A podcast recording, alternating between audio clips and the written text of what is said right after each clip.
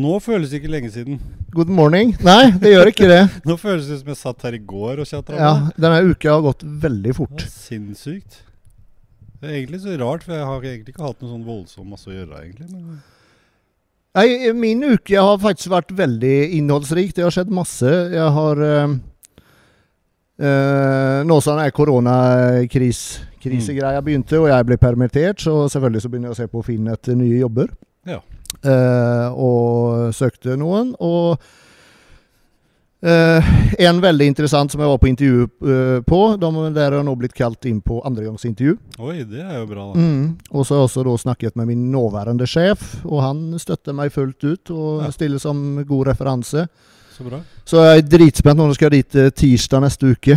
Ja, men Hva slags jobb er det? Det er, det er som um, tekniker på adgangssystemer. Uh, typ eh, alt fra låse, kodelåser til uh, mobilstyrte låser til uh, Ja. skyvedører. Uh, bra deal på sånn lås på døra hjemme. ja, ja, ikke sant? Det er bare å si ifra. Hvis jeg får jobben, da. Jeg har ikke fått den, men, men i hodet mitt så har, så har jeg fått den. Så uh, Men da, det- da føles det riktig, og da føles det sikkert greit at de liksom liker deg òg, liksom. Du har en fil på det. Ja, ja, jeg fikk Eller sånn, man får jo liksom god eller dårlig følelse når Ja, ja. man er der på, på første gangen, da. Og jeg fikk veldig, veldig god følelse da. Ja. Så jeg ble ikke kjempeoverrasket når de ringte og ville treffe meg igjen. Ja, det er bra. Så, eh, men jeg, jeg er dritspent nå. Så Men er det i Drammen også, eller? Er det eh, Nei, det er faktisk Oslo. Eh, vi, vi kommer jo til å flytte inn nærmere mot Oslo nå. Det er framfor alt for at min kjære fru Det er sånn det blir? Ja, det, det, er, det er de som bestemmer, til, sy, til, til syvende og sånn sist. er. Vi mannfolk vi har så fint lite å si til om. Du ser, nå har jeg jo fått inn en eh, mer kvinnelig part i min egen leilighet, liksom. Litt nærmere. Og eh, jeg ser jo nå er det jo plutselig blomster og ordna på verandaen, og her om dagen så beisa jeg verandaen, som skulle vært gjort for to år siden, ikke sant? Så det er sånn derre Hva skjer? Det bare skjer. Men, men det som overrasker meg, da, det er at du faktisk la merke til blomstene. Ja, jeg, fi, det er ikke alltid vi ser Nei, sånt. jeg fikk litt grann pes jeg var i går, for det var sånn Ja, så du de nye uh, pyntegjenstandene jeg har satt på badet, eller? Eh, ja. ja, ja. Og du aner ikke Ja, hva du var det snakker om! Eh, nei, jeg vet ikke. Som at du inn og kikker igjen. Ja, det, det er akkurat samme hjemme. Hun, hun sier et eller annet som hun har gjort, og så bare Ja. Å ja. Det har ikke jeg fått med meg. Mannfolk. Ja, nei, vi, det er eh, ikke noe annet å si. Vi ser det vi, vi vil se, og vi, hører, vi hører det vi vil høre. Jeg tror det er litt sånn. Så ja. Herregud. Ja, ja. Nei, men Det er jo spennende da, at du er på vei inn i ny jobb. Ja, eh, veldig spennende. Ja. Så eh, For det, det Jeg liker å skru og mekke med ting, og, og det er en, en utfordrende jobb og en Mm. eh, Ja, en, en drømmejobb for meg, rett og slett. ja, så bra. Det er jo helt gull. Så, så vi får kry- så, så kanskje neste uke at jeg vet, vet Ja. mer da. Ja, men det er spennende. Så bra. Eh, sen, sen kan jeg også nevne noe jeg har slitt med de siste dagene. Det var da forrige episode, Mm. eh, når jeg da skulle laste opp Sleit du med forrige Ja, episode? fy faen. Og få den lasta opp til oh, ja. For det er ikke bare bare å laste opp til Spotify. Du må innom en host der du Ja. laster opp den, og så skal det distribueres videre. Mm. Og den distribueringen funket ikke. Nei. Men nå i dag tidlig så fikk jeg orden på det. Nå ligger det online. Så nå ligger det online som det skal. Ja, men det er bra. Da. For Spotify er der de fleste ja, fleste det blir er. jo det. det. Det blir jo Altså, denne videopodden blir jo litt sånn ekstra, for det er jo ikke alle som har tid til å sitte og se på disse to mugshotsa her hele tiden. Nei. Men å høre, det er jo noe annet. Det kan man jo liksom gjøre når man er ute og trener eller uh, kjører Går bil. tur eller eller, whatever, liksom. Så, så det vil jeg nok tro at det er flest som ser der, eller Mm. hører der. Mm, helt klart. Så det, det er jo bra. Men få artig, artig sak med Henrik eh, sist, så det syns jeg folk burde høre på. Absolutt. Mm. Absolutt. Så, Og som vi lærte oss av det, følg, følg drømmene dine. Følg drømmene dine, og det eh, med også å sette litt pris på hva vi faktisk har her oppe på Bjerget. I forhold til det at man får erfaringer når man lever ute med helt andre systemer og sånn. Det, det snakka også Henrik litt om, så det er Ja. ålreit. Ja, helt klart. Ja. Nei, her har ikke, her har ikke skjedd noe sånn voldsomme store greier egentlig denne uka. Så nå prata vi veldig mye med Glasbu og bikers. eh, Ja, vi fikk en full innføring i bikerlivet og hvordan man Jeg eh, blir medlem av det. fall. Selv om det var litt ad hoc, så var, tror jeg det var basicen var, eh, var riktig. Så. Alle motorsykkelklubber har blitt nedringt av folk nå. ja, ikke sant? Jeg vil bli medlem. ja. Så, nei, men Det var jo det jeg sa. Du kan ikke bare ringe og si du blir medlem. Nei.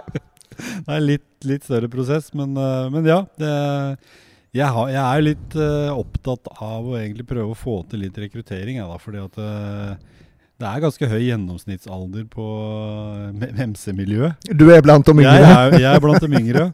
Så Og det sier litt. det sier litt. Så nei da, det er, det er mange, mange yngre òg, altså. Vi har, eh, vi har noen Pøbel MC på, på Lillestrøm, er det vel. Der er det stort sett bare gutter i slutten av 20-åra og 30-åra, midten av 30-åra.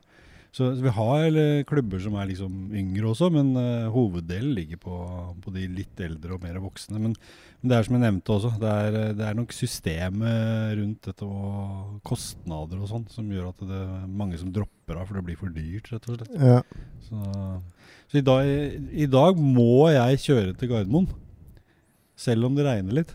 For Nei, det her er- det er en litt sånn eh, Det er en kar i det MC-miljøet som har dødd, da. Og han uh, har vært en, eh, en figur som har vært med på alt og vært med i alle år, liksom. Og da blir det sånn at selv om jeg har ikke noe personlig bekjentskap til denne karen, men, uh, men det skal gå en sånn begravelseskortesje som Egentlig så er urna hans flydd fra Trondheim, så kommer den For han har vært med i klubb i Trondheim. og så blir den flydd til Oslo. Og så skal liksom MC-miljøet her nede på Østlandet følge den urna ned til Nesodden og Hydra MC på Nesodden. Da. Så, og da blir det litt sånn at uh, da stiller man opp, selv om det regner. mm. Så ja, nå var det faktisk mye bedre i dag. Så det blir masse folk, da. Det kan bli veldig masse Jeg tror i Trondheim så tror jeg det var over 300 sykler jeg, som kjørte i følge. Så Det er litt mektig å det, det det. og- da kjører de i kortesje også da hele veien da, da kjører man i kortesje, og, og det er sånn det fungerer. er jo liksom sånn at Du kan jo tenke deg hvis det kommer eh, 150-300 motorsykler i rekke og rad. Det vil jo ha en innvirkning på den andre trafikken. Og Mm. en annen ting er jo at uh, når man kommer til f.eks. en rundkjøring eller et lyskryss, så stopper man jo den andre trafikken. For man, og spesielt et begravelsesfølge Ja, ja, ja. skal man jo ikke bryte opp. Uansett om det er biler eller eh, motorsykler. Så da stopper man trafikken, sånn at kortesja kommer frem, og så Sånn fungerer det, da. Så, så jeg syns det er veldig spennende og morsomt å kjøre så mange. Vi gjør det stadig vekk. I, Mm. heldigvis ikke bare begravelser, men, eh, men stadig vekk så samler det seg en sånn eh, ja, Fra 20 til 100 motorsykler, Yes. så kjører man i, i Det er, det er litt kult. Ja, det, det er noe av det jeg syns er Ja, kjempemorsomt. ja, ja, det skjønner jeg. Så man føler seg liksom litt sånn uh, rrr, liksom. Det er, det er. Badass. Ja, det er litt moro, fordi at du, du Making a statement, på en måte. Ja, ja. ja, folk legger merke til det. Ja, gjør det. Og den lyden Du kan tenke deg at Ja, ja. Ja, bare, bare ti Harley Davidson som raller gjennom en by, liksom. Da kan du jo tenke deg noen hundre. Det er en lydopplevelse ut av milde, altså. Mm. Så det er spennende. En ting jeg glemte å spørre sist, det er da, da, da når dere er på klubben. Mm. Hva gjør dere der da? Nei, det er Strikker og hekler og Ja, ja, det er sånn.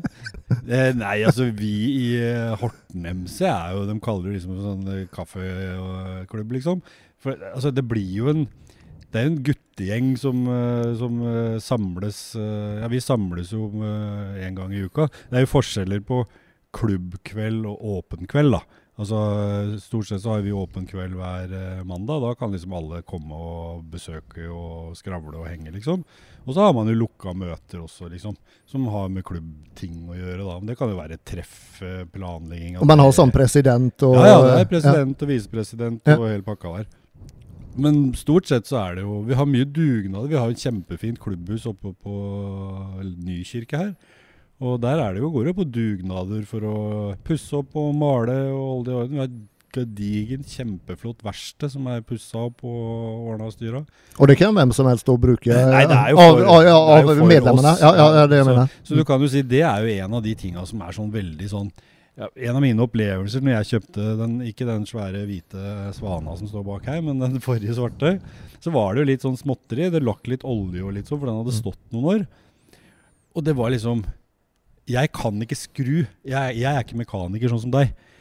Så, så jeg ble litt sånn Ja, men hva gjør jeg da? Og det var liksom sånn Nei, det var bare voff! Så var det fem mannfolk som sto Og skrudde fra hverandre og ordna. Men jeg skulle være med, da. Jeg er jo med. Men Ja, ja, jeg ja, ja. lærer litt. Mm. Og, og skrudde av topper og bytta pakninger. Og, Null stress. og den ene øh, meldte meg sånn Du, du, jeg skal ned på CBP i uh, Porsgrunn, liksom. Uh, Skal du ha du tre, Skal jeg kjøpe de delene for deg? Mm. Det, altså, den greia der, Mm. Det, den er så enormt bra. Ja, ja, det Du skjønner jeg. får en ekstrem hjelp, liksom. Og jeg stiller jo opp med, mine ting, ikke sant. Mm. Eh, Jeg som sagt, jeg er ikke noen mekaniker eller snekker. Men eh, jeg kan jo lage de visuelle tinga, og lage jo alle mulige da, invitasjoner og, og sånn til eh, det vi gjør og sånn. Mm. Så, så klubbkvelder det er alt fra å skru på motorsykkel til å sitte og drikke kaffe og skravle drit, liksom. Det, ja, det blir som en sånn der helt vanlig guttegreie. Men man Ja. har jo en MC-greie i bånn som, som, som er en interesse, ikke sant. Så, så det er jo bare det. Det er ikke noe mer spennende enn det. Nei, Vi sløyer ikke sånne gøy. Nei, nei, ok. Så Ja, ja. Nei da. Så, det, så i, dag, i dag skal jeg eh, kjøre litt uh, motorsykkel et stykke, så Jeg håper det ikke blir noe Det har vært litt sånn småregn i luften. Håper Ja, det blir og litt det er jo bedre. meldt litt sånn regn i dag, så Ja. jeg har eh, Jeg var faktisk og kjøpte meg en hel regndress i, eh, i forgårs. Ja. Så da har jeg det liggende. Ja, ja, men det er greit da, uansett om du skal, Ja. da skal på norgesferie. Ja da, ja da. ja For det kommer til å regne en eller Det annen dag. er eh, noe man kan bare være 100 sikker på, at ferierer du i Norge, så kommer du på regn. Ja, Helt Så, klart. sånn er det bare. Så.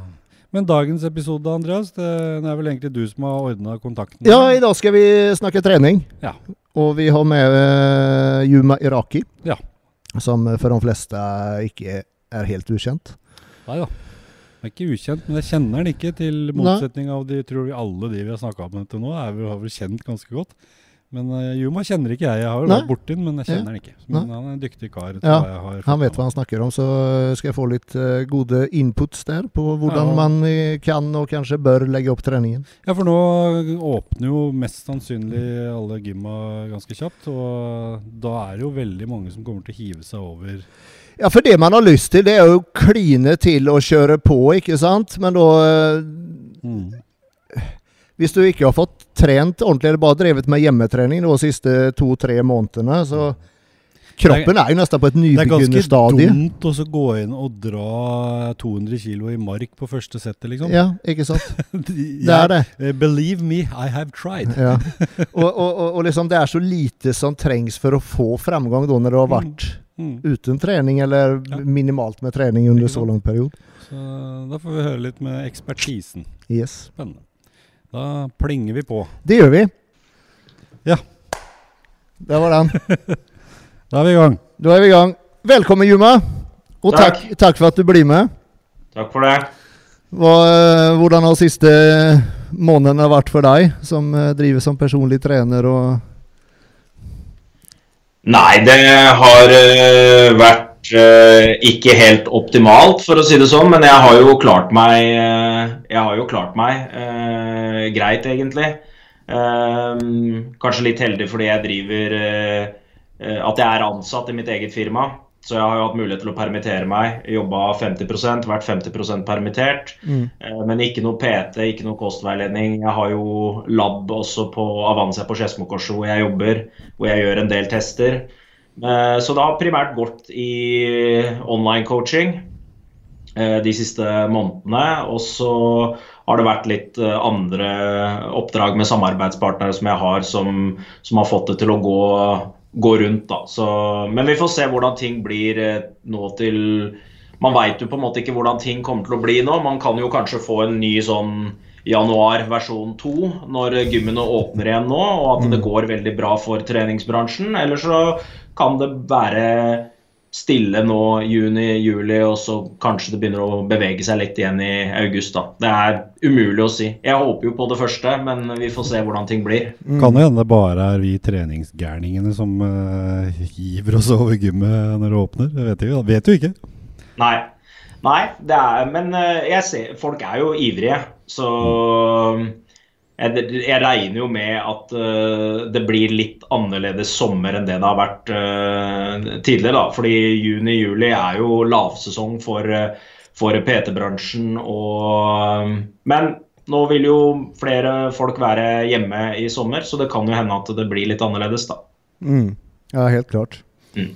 Du Selda, har du fått trent noe i perioden nå? Eh, jeg har fått trent, men det er jo ikke den mest optimale treningen. Jeg var ganske dårlig de første Første måneden var det ganske dårlig, men det var mer pga. veldig lite fleksibilitet. Uh, alenepappa har to unger. En på ett og et halvt og en på sju år. Mm. Så det var umulig å få noe som helst gjort da. Det blei litt sånn strikktrening og sånn, men jeg bor ikke så veldig langt unna Jeg bor på Bor på Rælingen, og på Lørenskog så har de en veldig bra treningspark ute. Den var jo stengt også i starten, men der kan du kjøre knebøy, markløft, benkpress, oh, ja. skulderpress. Yes. Alt mulig, da. Så jeg har trent, uh, trent der tre dager i uka. Um, men det, det, er ikke det samme som å gå inn på et gym. Altså, du klarer liksom ikke å motivere deg på samme måte, føler jeg. Det er litt det der med å være på et gym og være litt sosial og du klarer å pushe deg hardere på på gymmet da, enn mm. å drive og løfte sånne trestokker som står ute. Så, men noe har det blitt, da. Men jeg merker jo på kroppen at uh, ting, er ikke, ting, er ikke, optimalt. Mm. En forlenga, en forlenga offseason. Ja, ja, ja, ikke sant. Ikke sant. Ja, det blir jo, blir jo ja, Noe av det vi liksom har tenkt å høre litt med deg om også nå, er jo rett og slett den oppstarten. Fordi at nå er, har vi jo hatt uh, tre måneder uh, pause, på en måte. Folk som ikke er Veldig mange har hatt det. Ja, veldig mange har hatt det. Ikke alle, da, men uh, veldig mange har hatt det. Og, og det å starte igjen, det, det kan jo være utfordrende. Uh, vi har vel alle visse erfaringer med å ha hatt en Kanskje ikke så lang pause, men lengre pause fra gym og så hive seg på jeg, jeg, glemmer ikke den ene gangen jeg var, eh, hadde en off-greie en stund, og så var det rett på gymmet og kjøre markløftkonkurranse med gutta, liksom. Jeg klarte jo ikke å gå. Jeg klarte ikke å sitte på en stol, faktisk, eh, når det hadde gått noen dager. Jeg var helt ødelagt. Og det er jo ting som er viktig å ha litt i bakhodet nå når man er superhorny på å begynne å trene igjen og er helt gal på, på å løfte tunge ting. For det er jo det som fort blir resultatet. At du, du kan faktisk skade deg. Og, og, det er jo det verste. Men det å bli så støl at du ikke klarer å trene igjen på 14 dager, det er jo ikke akkurat å anbefale. Så det er jo litt interessant å høre fra en kar som liksom har såpass mye erfaring fra, som deg også. Hvordan starte. Hvordan komme i gang. Og, og på en sunn og grei måte. Ja, og ikke minst det da at kroppen er jo mer eller mindre på et nybegynnerstadium nå, når det har vært minimalt med trening og da, da, er det jo så lite som faktisk trengs. Man har jo lyst til å bare kline til og fortsette der man var, men hvor lite trening er egentlig effektivt til å starte med, og, og at du faktisk kan få framgang? Eller hvor, hvor mye trengs egentlig? Nå kommer det veldig an på hvilket nivå du, du ligger på. Da. fordi klart En, en mer avansert eh, person vil jo trenge det er jo det som ofte skjer når du har også avbrekk fra trening. at eh, Jo mer avansert du er, jo større risiko er det for at du, du taper ganske mye også. Rett og slett for det må opprettholdes et ganske stort stimuli for å vedlikeholde den muskulaturen du har eh, bygd. da. Mange går jo og tenker at når de har treningsavbrekk, at de taper veldig mye muskulatur. Men det er fryktelig lite som skal til for å vedlikeholde. Eh, selv ved fullstendig inaktivitet så tar det fort to-tre uker før du faktisk begynner å miste muskler. Det du mister i starten, det er jo glykogen, altså karbohydrater som er lagret i muskulaturen og væske. Og Det gjør jo at du mister det trykket som du har i muskelen, og så får du en sånn følelse at det, her er det liksom ikke det samme som var før. da. Men muskelvev tar litt mer tid å, å, å, å, tape. Det er greit for folk å vite, for det er veldig mange som freaker helt ut hvis de ikke har trent på fem-sju dager og tror at de har mista mye muskulatur. da. Men det er veldig lite som skal til i starten, og så tror jeg det er litt lurt å tenke på å, utnytte det litt. da. At det kommer du unna med mindre eh, i starten, så er det lurt å starte gradvis. Jeg ville f.eks. ikke begynt med noe høyfrekvenstrening, trent fem-seks dager i uka nå hvis du har hatt et avbrekk på eh, tre måneder. Det kan f.eks. være greit å i starten trene annenhver dag, to dager på, én dag av, rett og slett bare for å gi kroppen din hvile. Og så må du justere volumet betraktelig ned. Så for de som ikke veit hva volum er, så definerer vi det som belastning ganger repetisjoner ganger sett. Så hvis jeg løfter 100 kg i benken og tar 10 repetisjoner og tar tre sett av det, så har jeg utført et volum på 3000 eh, kg. Så i starten så er det lurt å prøve å tenke å begynne lavest med volumet. F.eks. har du vanligvis trent tre sett i øvelse før, så kan du f.eks. begynne med to nå i starten. Og hvis du føler at det går greit for deg med tanke på eh, restitusjon, så kan du gradvis øke det over tid. Det er jo litt forskjellige måter å øke volum på over tid. Eh, for en nybegynner så vil det jo være å legge på vekter så det er jo mest aktuelt nå i starten for folk. Da, at de rett og slett starter betraktelig lavere med belastninger de har brukt tidligere, og gradvis jobber seg opp tilbake til det de har gjort tidligere. Eh, etter hvert så vil jo det stoppe opp for veldig mange, og da er det mer aktuelt å øke repetisjoner. Og så er det sett. Så det er litt fremgangsmåten jeg pleier å bruke på folk jeg coacher. Da, at eh, når du er nybegynner, så klarer du å legge på 2,5-5 kilo hver eneste uke. Men etter hvert så må du kanskje begynne å tenke på å, å øke belastning samtidig som du dropper repetisjoner. Og så eh, gjør du en ny syklus hvor du på en måte starter høyere. Da. Så eksempelvis hvis vi setter opp en øvelse hvor vi sier eh, 8-12 repetisjoner, så kan det hende at vi i første uka trener 12 repetisjoner med 100 kg. Neste uke så trener vi 102,5 kg med 10 repetisjoner, og så 105 kg med 8 repetisjoner. Så tar vi kanskje en lett uke. Når vi da starter på en ny syklus, så starter vi 2,5-5 kg høyere enn det vi gjorde sist. Så da er det 102,5-105 kg med tollerne, 107,5, 110, lett uke igjen, osv. osv. Det ser ut til å funke veldig bra for de som er forbi det nybegynnerstadiet. Men når du blir avansert, da må du begynne å tenke på å legge til sett. For det er ikke like lett å legge til eh, belastning eller å øke repetisjonene. Men serier klarer man å utføre mer, da. Og det er litt av den det er litt sånn du må tenke også jo mer avansert du blir. at Hvor er det du kan bake inn mer volum i treninga di?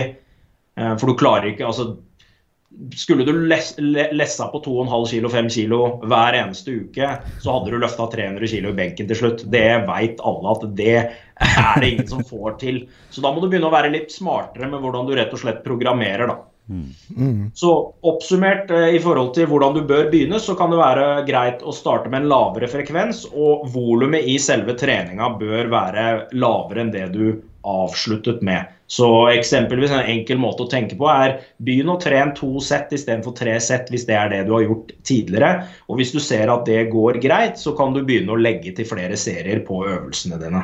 Mm. Men Burde man liksom kjøre helkroppsøvelser og sånne ting i starten? liksom? At man kjører gjennom hele kroppen hver gang? Eller?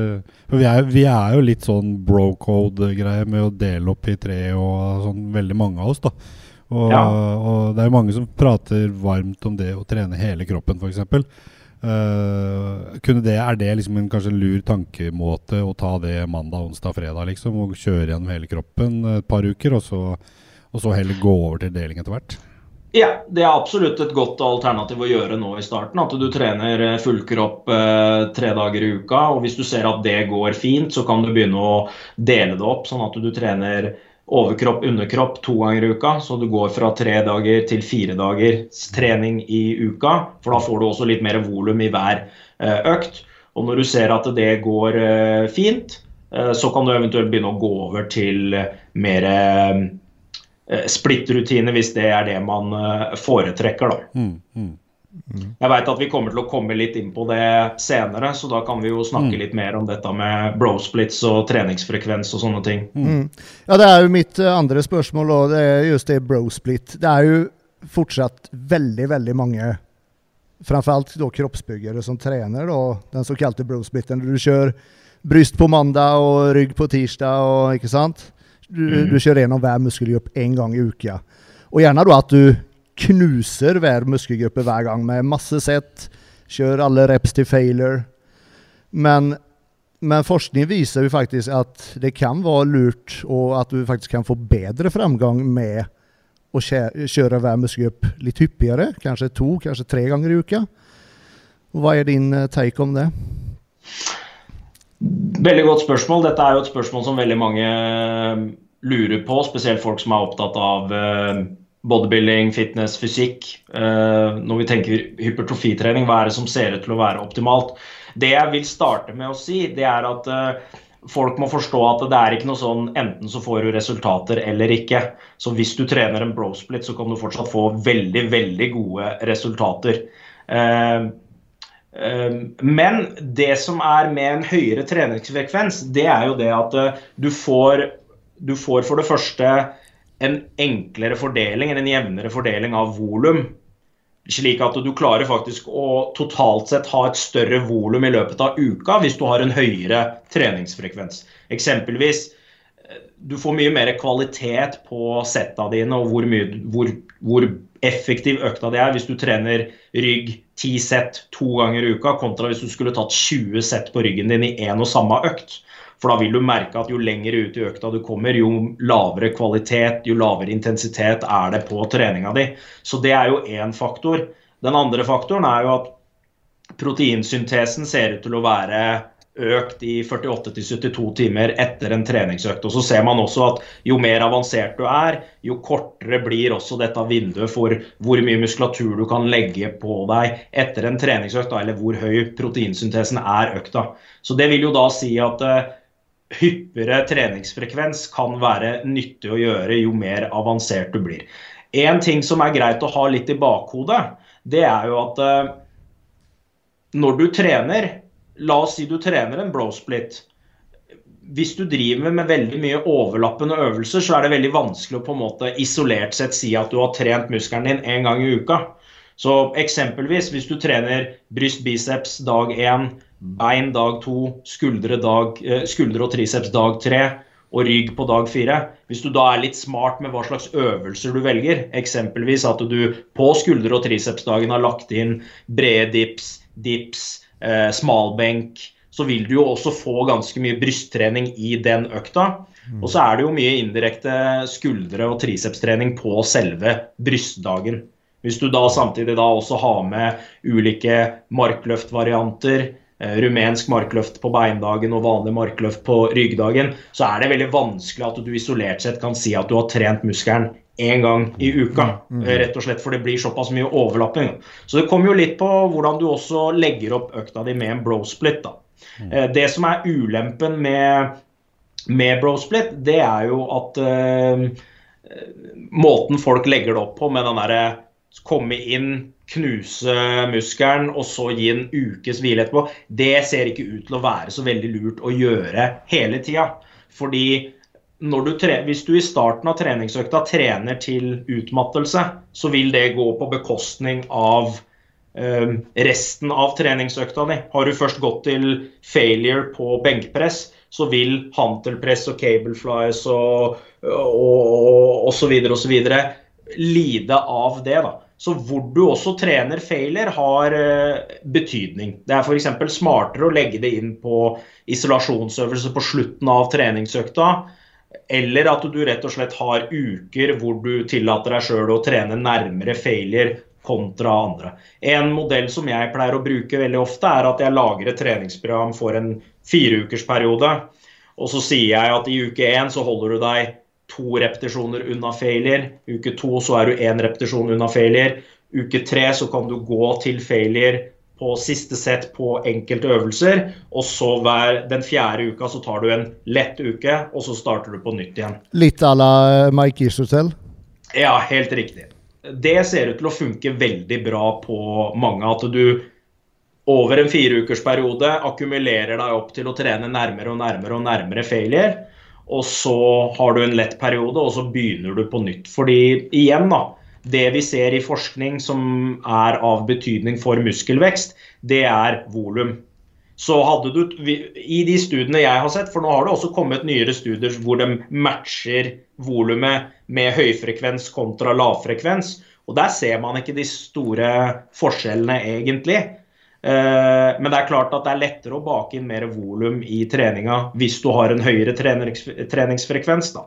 Mm. Eh, det ser ut til å være den største faktoren. Så folk må tenke på frekvens av trening som en, en variabel du kan bruke for å bake inn mer, mer volum, kontra at det er det avgjørende for om du bygger muskulatur eller ikke. Fordi det at du klarer å bygge muskler på en bro-split hvor du trener muskelen en gang i uka, det, det, vet vi funker. Men det er kanskje det at andre metoder kanskje funker litt bedre. I mm. hvert fall hvis vi snakker om folk som trener uten uh, superkosttilskudd, for å si det sånn. Mm. Fordi det er jo også en faktor man må, man må tenke litt på. At mange byggere de uh, de bruker uh, anabole steroider. Og det gjør også at uh, du har en forlenget proteinsyntese. Du kommer, du kommer på en måte unna med eh, en lavere frekvens. Det er én faktor. Og så klarer de også å trene med et høyere volum i en treningsøkt. Mm. Eh, du tåler mye mer trening i selve treningsøkta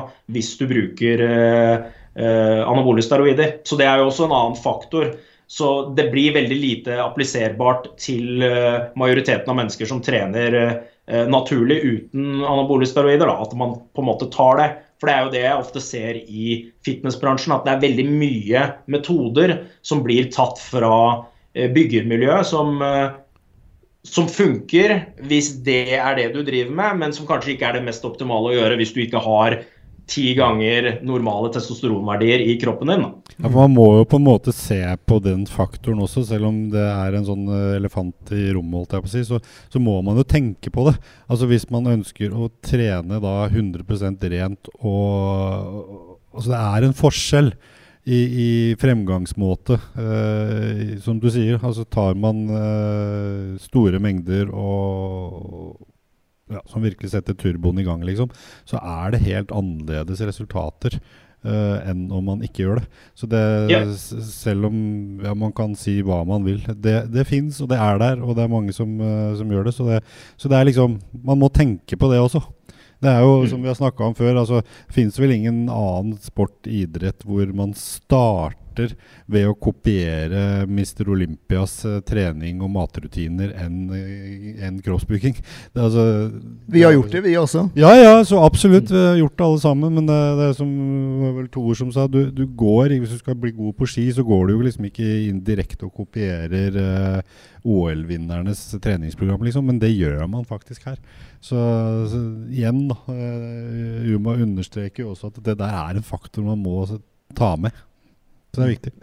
Helt klart. Det er, det, er mange, det er mange faktorer som folk ikke tenker så veldig mye på når det gjelder, når det gjelder akkurat det. Da. En annen ting som også er verdt å nevne når det gjelder eh, lavere frekvens, jo høyere altså, elite, eh, Hvis man ser tilbake på treningsprogrammer til mange kjente kroppsbyggere, så var det ikke det programmet de trener nå, var det de startet med. Eh, Dorian Yates trente jo eh, overkropp, underkropp, eh, overkropp og så motsatt i veldig veldig mange år mm. før han gikk over til den siste splitten sin. Ronny Coleman kjørte frekvens to ganger i uka. Han kjørte jo push-pull legs to ganger i uka. Så det er mange kroppsbyggere som har trent med en høyere frekvens tidligere i karrieren sin. Og så har de gått over til lavere frekvens etter hvert. Og det, det kan jo være to mulige faktorer til akkurat det. Det er jo, Nummer én er jo eldre du blir, jo lengre tid tar det også for eh, bindevev og alt annet enn muskulatur til å restituere seg. Så det er også en sånn faktor man må kalkulere inn. Eh, den andre tingen er at eh, det er helt annerledes å restituere seg fra et sett i benkpress på 200 kg kontra 50 kg. Så det vil jo ta mye mer restitusjonstid når det blir såpass mye skade med en så stor belastning. Mm. Så Det er også sånne ting som folk ikke kanskje tenker så veldig mye på. Da, at det, det, blir en ganske stor forskjell der. Mm. Mm. Uh, en ting som du nevnte i stad, at jo mer avansert du blir, jo mer volym krever man. Men kan det, kan det også være tvert om? For jeg eller for å ta meg selv som eksempel. Jeg, jeg trente brosplit i mange mange år og hadde til et visst punkt grei fremgang. Men så, så slutta fremgangen, og så begynte jeg å se meg rundt litt etter andre treningsprogram. Og så leste jeg en artikkel av Børge Fagerli. Eh, og denne artikkelen foreslo langt mye mindre volym. Eh, og det var da en helkroppssplitt eh, tre ganger i uka. Eh, der du ikke tok settene til failure, utan da stoppa en-to rep fra failure. Og jeg tror aldri jeg har hatt sånn framgang som jeg hadde den perioden der. Og, og etter den, det jeg oppdaga der, så, så, har jeg fortsatt å trene etter noe à la det. Eh, trener ved muskelgruppe oftere og mye, mye mindre. Så jeg hvis jeg trener mye eh, Det er litt forskjellig fra muskelgruppe til muskelgruppe, men f.eks. Eh, hvis jeg trener bryst mer enn seks til åtte sett per uke, harde sett, så, så, så, får jeg nedgang. Da blir jeg bare svakere. Mm. Eh, samme med markløft. Jeg har ikke sjans å kjøre det mer enn én en gang i uka. Eh, bein ti-tolv sett, ikke noe mer enn det. Rygg derimot kan jeg kjøre mye mer. Mm. Men, men, men, men, er det store individuelle forskjeller på hvor mye volum man klarer? Ser, ser, du mye av det? At, at noen ja. personer kan fint kjøre 30-40 sett, mens andre eh, får grei framgang med liksom 6-10 sett. Og, og, det er også en del forskning viser at, at noen får veldig bra framgang med veldig lite volum. Oi, nå frøs. Nå frøys. Der, ja. hva, eh, ja. hva, er din, eh, din take på det? Hva, hva, tenker du om det? Det, det? det, er sånn som du sier, det er veldig stor individuell forskjell på hvor mye volum eh, mennesker tåler. Eh, og det er eh, og, stølhet er jo også en faktor inn i bildet her. fordi Er du grisestøl, så klarer du heller ikke å trene så ofte og så mye med volum. Det er også en eh, genetisk komponent til det, da, hvor støl man faktisk blir etter trening. Men restitusjon er jo også ikke bare Folk tenker på restitusjon, så tenker de på eh, søvn og mat. Det er, folk, det er, det folk tenker på når de tenker på restitusjon. Men det som også påvirker restitusjonstiden, hvor mye du tåler, det er jo også stress. Eh, det er ganske stor forskjell på en eh, La oss si en kroppsbygger da, som lever av å være kroppsbygger, eh, og kun har trening, eh, søvn og, kosthold å forholde seg til, kontra en familiefar som jobber en 100% stilling, eh, har en rute han må pendle hver eneste dag på en time osv. For alle disse tingene her vil jo påvirke restitusjonstiden. Så det er ganske store individuelle forskjeller hvor mye man tåler med volum. Det kan være genetisk, det kan være hvor avansert man er. Det kan være alder som også kan påvirke det. Eh, og så er det slik at eh, jo, jo lengre du kommer i Selv om nå, nå, nå sier jeg at jo, jo, mer avansert du blir, jo mer volum trenger du.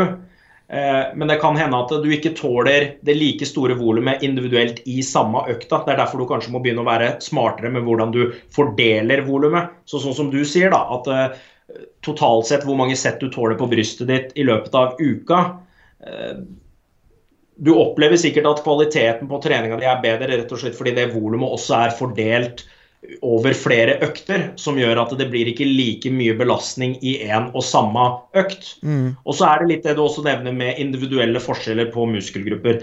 Noen muskelgrupper restituerer seg mye kjappere enn andre, hvilket gjør at de tåler mye mer volum. Eh, rygg er jo egentlig ikke en muskelgruppe, det er jo mange muskler som går i mange ulike retninger. Men det er ganske vanlig at eh, rygg tåler veldig mye.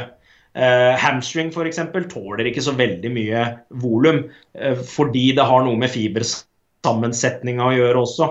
Uh, type 2-muskelfibre som er veldig eksplosive, men som ikke tåler veldig mye. De trettes ut veldig mye fort, og det har en mye lengre restitusjonstid på dem. Så hamstring, triceps, forside skulder, det er sånne muskelgrupper som ikke tåler ekstremt mye volum før du begynner å kjenne at ok, dette her er litt for mye.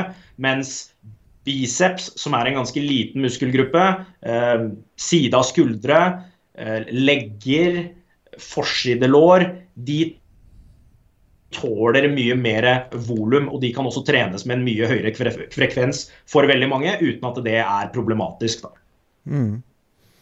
Riktig. Skal vi jo, eh, på, på tal om det eh, med, med, med, volymen, da, for jeg har jo også da prøvd da, å, å, følge liksom da forskning og, og øke volumet. Men, men, men, eh, uansett hvordan jeg splitter det opp, så, så, så får jeg bare ikke fremgang på, på høy volym. Utan det er lav volym som, som, er greia mi, rett, rett og slett. Ja. Eh, og liksom da prøvde å eksperimentere da med å, å, å levne flere reps i reserve, slik man, at man ikke tar seg ut på hvert sett. Men det, det For meg personlig så funker det mye bedre med veld, veldig lav volym, rett og slett. Ja, og du er sikkert ikke alene om det. Det, det finnes jo mange som responderer eh, bra også på lavvolums eh, lavvolumstrening.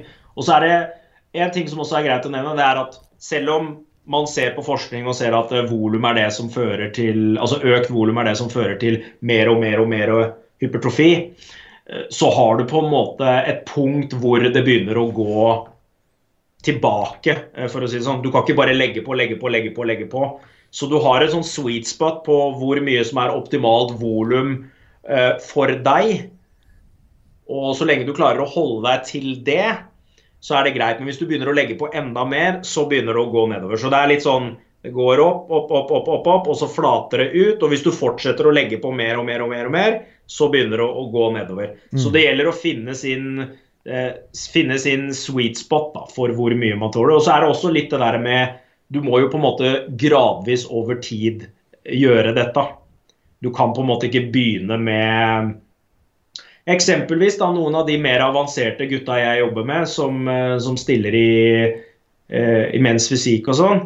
Eh, når vi har disse fasene våre hvor vi jobber med hypertrofi, så har vi på en måte et mål for hvor mange sett vi totalt sett skal ha i de tyngste treningsukene deres. Men da starter vi jo mye lavere så uke én så er det eksempelvis uke én så kan det være på rygg, da, så kan det være 12 sett på ryggen.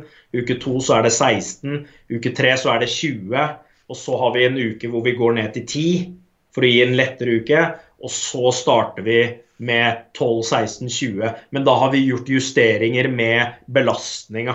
Så det kan hende at vi kjører samme belastning i fire uker, men vi legger til flere og flere og flere sett. Mm. Og så når vi begynner på en ny syklus, så gjør vi akkurat det samme, men da starter vi med litt høyere belastning enn det vi gjorde sist. da. Kanskje 1,25-2,5 kilo tyngre. Mm. Men hvordan, hvordan, finner du ut hva, hva det passende volumet er for enkelte klienten? Prøver du deg fram, eller? Vi, vi, går jo litt på Det vi ser etter, det er jo stølhet, sårhet. Altså hvor støl blir du i muskelen. Hvis vi gjør så mye volum, og du blir altfor sår for å klare å restituere deg til neste økt, så tyder jo det på at uh, dette er litt for mye. Forutsatt at trening, altså restitusjon, søvn, kost, alt er på plass, så er det det. Så da kutter vi tilbake. Også hvis vi ser at uh, prestasjonen blir dårligere.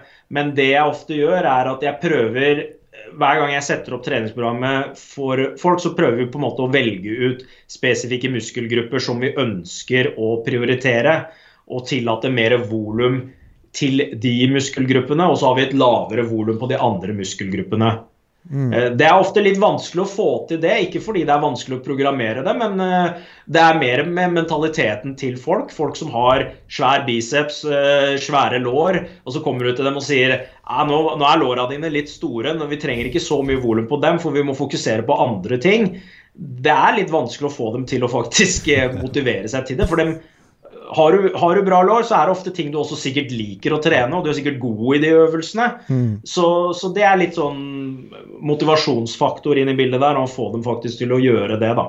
Men uh, vi går rett og slett på uh, prestasjon på gymmet så rett, så vi starter på en måte lavt, og så bygger vi oss opp til det, og så ser vi OK, dette ser ut til å gå greit, du har fremgang på trening, du ser bedre ut, men hvis vi begynner å se at uh, her går det motsatt retning, eh, så må vi rett og slett backe unna. Spesielt når de begynner å skal eh, preppe for konkurranser og sånn, for da tåler du ikke det samme volumet lenger. Så offseason så går det sikkert greit, men når du har lavere fettprosent, når du har mindre kalorier, så klarer du ikke å tolerere det samme volumet lenger med, med treninga. Men eh, stort sett så er det sånn at man ender primært på de fleste muskelgrupper et sted mellom 10 og 20 sett totalt sett i uka. Noen muskelgrupper kanskje tåler mer, sånn som ryggen kan kanskje være opptil eh, 25. Men eh, hamstring f.eks. De færreste jeg coacher klarer noe særlig mer enn ti sett med, med, med hamstringtrening i uka før det liksom begynner å bli veldig problematisk. Da. Mens eh, quadriceps så går det helt greit. og bumpe det opp til 20 sett i uka uten at det er et problem. Da hadde jeg dødd. Mm. Hva sa du? Da hadde jeg daua. Hvis jeg skulle kjørt så mye. ja. Kanskje du skal trene litt med humor? Må, huske på at det, liksom, når, jeg, når, jeg, nevner disse tallene, her, så er det liksom, det er liksom high end av hva, hva, hva som er tolererbart. Da hadde fint sikkert klart for majoriteten vår, så hadde det sikkert fint funka med, med ti sett i uka. Men det er hva, bare for å gi et intervall hvor stort sprik det kan være på folk, da. Mm. Ja, du, du, du, nevner jo også alder spiller jo inn, ikke sant. Det, og det er jo en ting som eh, jeg som begynner å bli voksen, men har likevel 35 år pluss på gymmet, liksom. Så merker jeg jo veldig godt det at uh, det er en stor forskjell på hvordan jeg Nå er, nå er jeg mer ute etter å holde meg Eh, i, i, en form, da. Jeg er ikke ute etter liksom, å legge på meg 10 kg muskulatur, liksom. Men nå kjører jeg stort sett da én muskelgruppe per gang jeg er på gym. Og min rutine har vært eh, morgentrening eh, før jobb. Eh, og da har jeg kjørt gjennom brystet på mandagen, skuldra på tirsdagen, ryggen, whatever. Og da har jeg følt at jeg, jeg bibeholder min muskulatur og min Eh, vekt og form på en veldig ålreit måte. Jeg får nok restitusjon og jeg får nok trening. Men det er klart, jeg har jo ikke noe ekstrem utvikling. Da vil jeg jo måtte gjøre om på det og, og også trene hardere og tyngre og mer volum for min egen del. Da. Men jeg merker i hvert fall det at uh, jeg trenger nok en lengre restitusjonstid nå enn når jeg gjorde det da jeg var 25. Og det, det er sånn veldig merkbart. Så, så det, jo, det, spiller jo også en, en, en, rolle her, da. Men det har du også nevnt. Mm.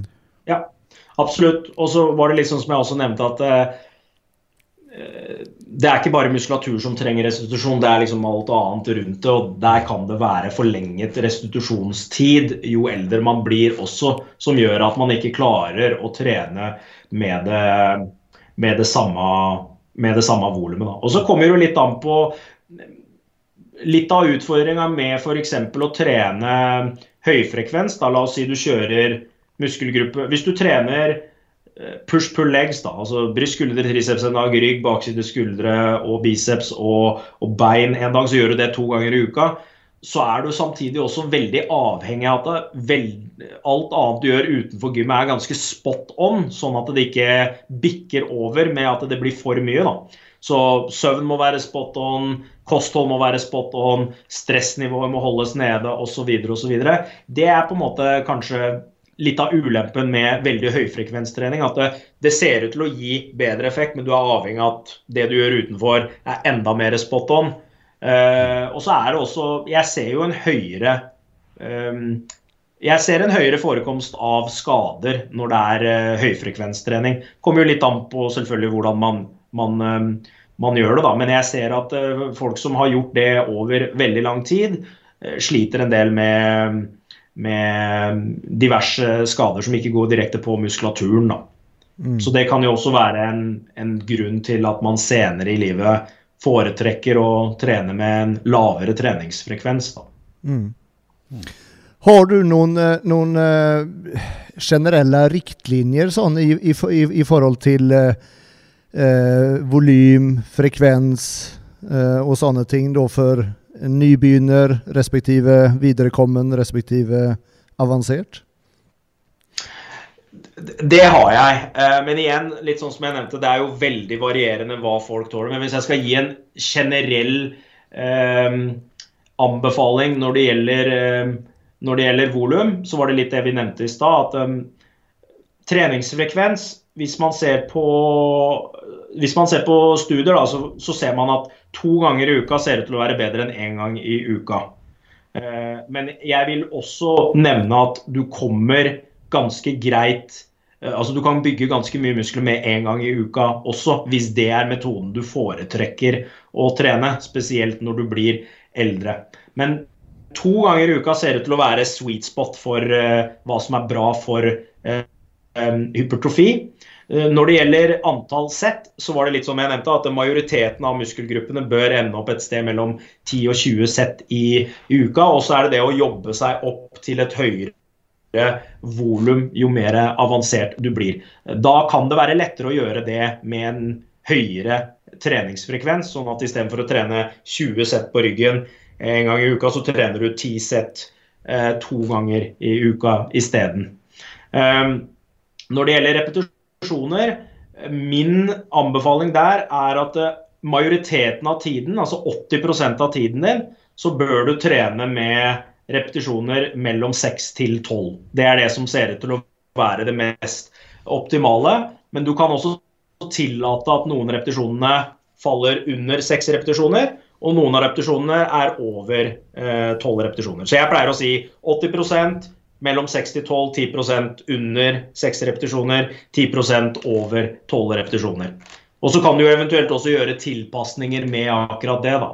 Eksempelvis hvis du har en albue som er litt vond, så kan det f.eks. være mer hensiktsmessig å trene Eh, pressøvelser med høyere repetisjoner, fordi da kan du bruke en lavere belastning, men få tilsvarende det volumet som, som, du ønsker. Mm. Så det er ulike tilpasninger du kan gjøre på, på akkurat det. Eh, men eh, for nybegynnere så tenker jeg at det er ikke noe vits å gjøre det så veldig komplisert. Altså Fokuser på å, å bli sterkere fra uke til uke i repsintervallet 6-12 for eh, de øvelsene du, du, trener. Fordi nybegynner så klarer du fint å legge på 1,25-2,5 kg i uka. Når du blir viderekommen, så må du kanskje bli litt smartere. Da må du kanskje begynne å tenke litt på at du øker belastninga samtidig som du reduserer repetisjonene, og så blir det til at du øker bare belastninga hver fjerde uke. Og når du blir mer avansert, så er det lurere når det gjelder økning av volum å tenke på å legge til flere sett istedenfor å legge til mer belastning. Fordi du, du, klarer ikke å ha den samme progresjonen på samme måte som da du var nybegynner eller viderekommen. Så da kan det f.eks. være at du sier OK, benkpress. Eh, seks til åtte repetisjoner, tre til fem sett. Uke én så trener du med tre sett. Uke to med fire sett. Uke tre med fem sett, og så tar du kanskje en lettere uke, og så begynner du på nytt igjen. Men når du begynner på nytt igjen da, så kan du prøve deg frem og se om du klarer å legge på litt høyere belastning enn det du hadde sist. da. Mm. Mm. Det er en sånn generell måte å gjøre det på, om du er nybegynner, viderekommende eller avansert. Men igjen, da. Det kan også være, det kan jo være at du er nybegynner i én muskelgruppe, og så er du veldig avansert i en annen muskelgruppe. Så det er ikke dermed sagt at uh, dette er noe du kun bruker hvis du er avansert. Du kan også bruke det individuelt, disse progresjonsmodellene basert på muskelgruppe det er snakk om. Mm. Mm. Uh, og i, i, i, forhold til øvelser, hvor, hvor, viktig er det egentlig å ha mange forskjellige øvelser? Eller å, å variere øvelser?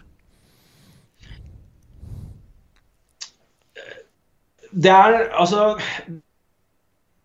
der er hvilke muskelgrupper, øh, hvilke muskelgrupper vi har. For det har jo noe med hvilke retninger de ulike muskelgruppene går i. fordi Tradisjonelt sett så er det jo litt sånn i byggemiljøet at øh, du skal helst trene med flest mulig variasjon i øvelsene for å treffe muskelen fra ulike vinkler. Det er jo det folk sier. Og det er jo noe sannhet i det. fordi du klarer på en måte ikke å finne én øvelse som trener hele ryggen din, i og med at ryggen går i mange ulike retninger. Da. Man har også sett studier på f.eks. hamstrings. at uh, du kan ikke bare trene strake markløft eller rumenske markløft for å få optimal muskelvekst i hele hamstringen din. Du må ha en beinkøll-variant for å treffe alle de ulike muskelgruppene. Men majoriteten av muskelgruppene så klarer du deg fint med to til fire øvelser per muskelgruppe. Så hvis du f.eks. da skulle trent øh, rygg, da, så kunne det vært at du har to øvelser den ene dagen og to øvelser den andre dagen. Da, forutsatt at du, da trener ryggen eh, to ganger i uka. Men du kommer langt med to til, eh, to til fire øvelser. Men igjen, det er jo hvilke øvelser du um, det er jo hvilke muskelgrupper du trener som er litt avgjørende for hvor mange øvelser du trenger. da. Mm. Eh, samme ser man f.eks. på triceps. At eh, du må ha en øvelse på triceps hvor du har eh, press eh, over hodet for å involvere det ytterste hodet av eh, tricepsen din. Så du kan du kan trene de store baseøvelsene og treffe majoriteten av muskelgruppene, men du må ha noe supplement av isolasjonsøvelser eh, for å på en måte få maksimal effekt på eh, muskelgruppene, hvis målet ditt er eh, optimalisering av hypertrofi. Mm. Men jobber du mest med Uh, jobber du mest med atleter som skal konkurrere og den typen der, eller jobber du også med mer si, vanlige mennesker da, som, uh, som, begynner å trene, nybegynner og den biten der? I ditt uh, jeg, jeg jobber egentlig med Jeg jobber egentlig med alt fra mannen i gata som ønsker å få sixpack eller å bygge muskler, til folk som skal konkurrere i i, i, fitness. Så jeg har ganske stor uh, variasjon i det klientellet uh, jeg har. Men uh, de kommer til meg fordi de trenger hjelp enten med å deffe seg ned, eller å bygge muskulatur, eller for å prestere bedre i en idrett. Og da er det primært kraftidretter jeg jobber med. Så du kommer ikke til meg hvis du har tenkt til å være med på et maratonløp eller noe sånt. Der veit jeg om andre folk som er mye bedre enn meg på akkurat det området. Så jeg har på en måte fokusert inn på et veldig snevert område med, med, med hva jeg ønsker å ha som ekspertise. Og så blir jeg ganske bedriten på alt annet. Det er det jeg pleier å si. at du, jeg har alltid hatt en sånn filosofi at hvis du skal bli god på noe, så må du belage deg på å bli jævlig dårlig på mye annet. Så det er det, litt av den filosofien jeg også jobber etter. At uh, jeg ønsker å fokusere på ett område som jeg ønsker å bli god på. Og så får det gå på bekostning av at jeg blir veldig dårlig på mye andre ting. Fordi trening og ernæring det er jo et veldig, det er et veldig bredt område. Så du kan liksom ikke være du kan ikke være god på alt. Du må liksom selektivt velge ut hva du ønsker å, å bli eh, god på. Da. Men eh, nå har jeg holdt på i nå har jeg holdt på i åtte år. Og I løpet av de åtte åra har jeg jo hatt ganske mye variert med hva jeg har jobba med. Jeg starta jo faktisk å jobbe som eh, ernæringsfysiolog på et legekontor på Lørenskog. og Der jobba jeg i to år, og da var jo klientellet, eller pasientene, var da sykelig overvektige, diabetikere, hjerte-karsykdom. Så det var jo faktisk det jeg begynte å jobbe med. Mm. Og så tok jeg videreutdannelser etter hvert i, eh, i idrettsernæring. da og begynte å jobbe mer spesifikt retta mot prestasjon og det. Men uh, jeg har jo alltid vært veldig veldig glad i bygging. da. Vokste opp, når jeg først begynte å trene, vokste liksom opp med gamle videoen til Ronny Coleman og Dorian Yates og blei veldig fascinert av det. Så det ble jo naturlig at det var et område jeg fokuserte veldig mye på. da, Både med hvilke folk jeg jobber med, men også hvilke områder jeg leser meg opp på, leser forskning på. Jeg har jo hatt eh, to nylige publikasjoner som ble publisert i fjor, som begge to er spesifikt retta mot uh, muskelvekst. og Den ene er jo veldig retta mot um, optimalisering av kosthold for uh, kroppsbyggere offseason. Mm. Fordi Mye av forskningen har jo vært før konkurranse, men det kom, nå tenkte jeg at nå var det på tide å få ut en paper på hva bør man gjøre offseason, i og med at byggere bruker jo 75% av tiden sin offseason. Ja. Så det er jo litt merkelig at det ikke er noen retningslinjer gitt på det. da. Mm. Mm. Ja, det er jo absolutt viktig sak. Mm. Og kosthold er noe som du har lovet å bli med i en annen episode på. Der vi skal snakke litt eh, ernæring. Hva sa du nå? Nå sleit jeg litt med å høre hva du sa. Eh, Just kostholdsbiten er jo en annen ting som du har lovt å bli med i en, annen, eh, i en senere episode. Der vi skal snakke om det. Ja, Mm. Ja, ja absolutt. det, det er jo også en av grunnene til at vi ikke nå går så veldig mye inn på kosthold i denne episoden. For vi har jo planlagt en, en til. Ja. Men eh, da, da har vi egentlig vært igjennom det, de spørsmålene som jeg hadde, i hvert fall, Juma.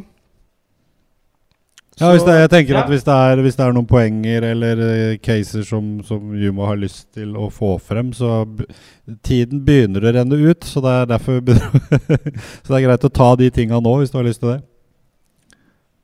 ja. Og hvor, hvor kan folk finne deg, om noen vil ha hjelp av deg? Hvordan finner man deg? Uh, nettsida mi, jumairaki.com, og så er jeg ganske aktiv på Instagram og Facebook og YouTube. Eh, der legger jeg ut eh, eh, korte videoer på YouTube om ting som omhandler primært eh, fettforbrenning og muskelvekst. Og på Instagrammen min så har jeg ukentlig eh, sånne Q&A på storyen min, og så legger jeg ut ukentlig poster om ulike typer spørsmål som jeg pleier å få fra følgerne mine. Mm. Da legger vi inn alle disse linkene. Legger inn det i beskrivelsen. Ja, det gjør vi. Mm. Så, nei, men Det er helt supert. Da, Da sier vi tusen takk til deg, Uma. Herlig. Jo, bare hyggelig. Takk for at jeg fikk komme. Vi gleder oss allerede til neste gang. Ja, det blir bra, vet du. Helt supert. Vi ses. Takk skal du ha. Snakkes. Greit. Ha det. Bare hyggelig. Hei, hei.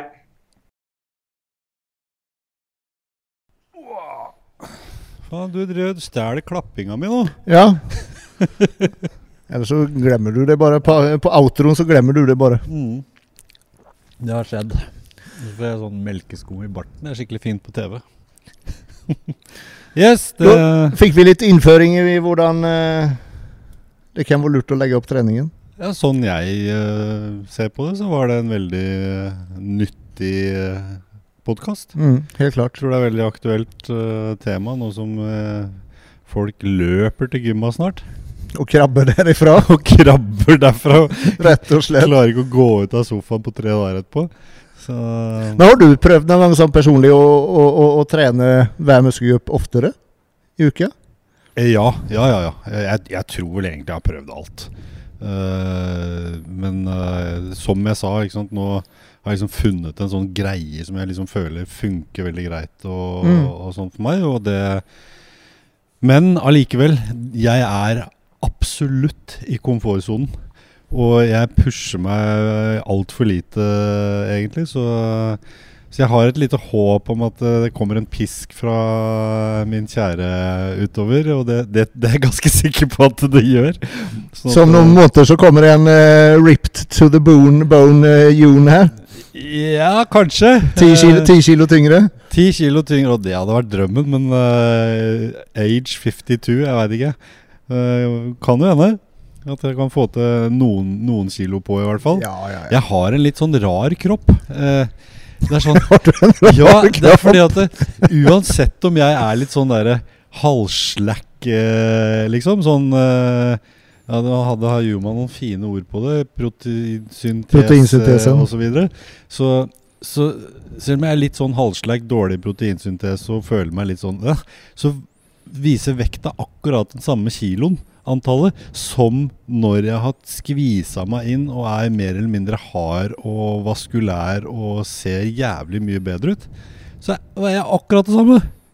Det blir sånn Ja, men jeg skulle gjerne eh, Bytte, bytte om litt, fordelingen. så, så jeg vet ikke helt hvorfor det er sånn, men uh, det er nå min kropp, da. Så det er litt rart. Litt mindre muskler og mer fett, kanskje? Ja, det er akkurat som liksom fett og vannet det liksom legger på seg litt, liksom. Og så er musklene siger litt tilbake. Og så byt, bytter jeg på ved å trene hardere og spise sunt, så blir jeg mer eh, jeg får jeg mer trøkk i muskulatur, jeg får årer og det tyter ut på det her og der. Men vekta den er akkurat det samme. Kan variere 1-1,5 kilo. Mm. Så, så jeg har veldig lyst til å Det er klart, eh, nå skulle jo min kjære på scenen nå under denne tida, og, og hun har jo veldig lyst til å gi, ja, gjøre en liten comeback og få gjort den biten, og det har jeg veldig lyst til at hun skal gjøre også. Mm. Og da regner jeg med at eh, jeg kommer jo til å følge litt med på mat og, og trening, så da vil det vel gi resultater her òg. Gjør nok det. Plutselig så står han der på scenen, ikke sant? Ja, ja, ja, ja, kanskje du gjør, gjør den debuten allikevel. Ja, ja, vi får se, da. Jeg lover ingenting. Nei. Så, men det er klart, å komme i litt bedre form, det har jeg lyst til. Litt Mm. hardere, litt hardere form, det, det liker jeg. Ja. Du, er, du har jo den der forbanna sixpacken din ennå, så det er bare Men Jeg blir sånn faen ikke av med den heller. Nei, Luksusproblem. det er et luksusproblem. Jeg har jævlig bra legger, da. Ja, det har derimot ikke jeg. Om du kan gi meg noen tips der, da. Nei, det er jo kun gener. Ja, ja men det er helt spesielt, for just legger er mye genetikk, altså. Eller er mest genetikk, skulle jeg vilja Jeg si. trener ikke legger. Så Nei, nei, nei det, ikke sant. det, jeg glemmer aldri Jeg tror det var første gangen Soran la merke til de leggene mine. Jeg lå og trente hamstring, tror jeg det var. Ja. I Spania. I Marbella, faktisk. ja. Og da var jeg rimelig hard uh, form, egentlig.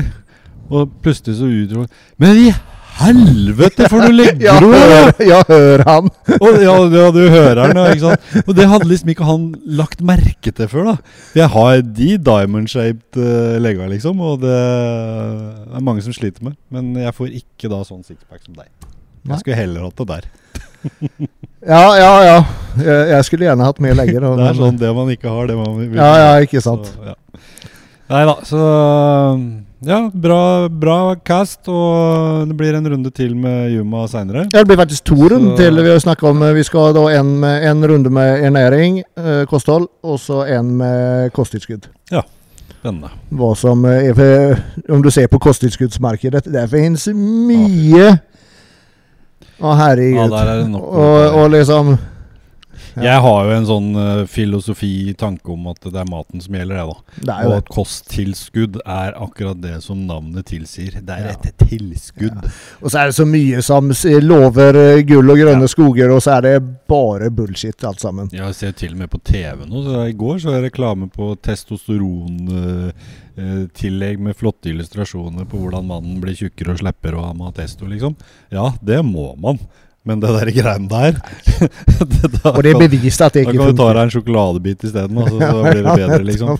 Så det, Det kommer. Vi har mange interessante gjester Vi har mange kommer. interessante, men igjen, altså Tips oss, eh, kom med ønsker. Uh, igjen, del, kommenter, Mm. del, kommenter. Det er, eh, det, det er vi avhengig av at folk gjør. Ja. Så, men igjen, da. eh, Superhyggelig og takke masse for alle som, som ser på og hører på. Ja. Det har vært en progresjon og en vekst i dette her, sånn, og det syns jeg det er kjempegøy. Mm. Så Veldig gøy. gjør at motivasjonen til å gå videre er, er der. Til å komme tidlig lørdag morgen. Til å komme lørdag eller søndag morgen. en sånn derre mega-av Du vet. For meg, Jon, så klokka ti på en lørdag formiddag, det er, det er liksom Da er nesten halve dagen gått. ja, ikke sant? Og du, du har ikke ens fått morgenkaffen din. Nei.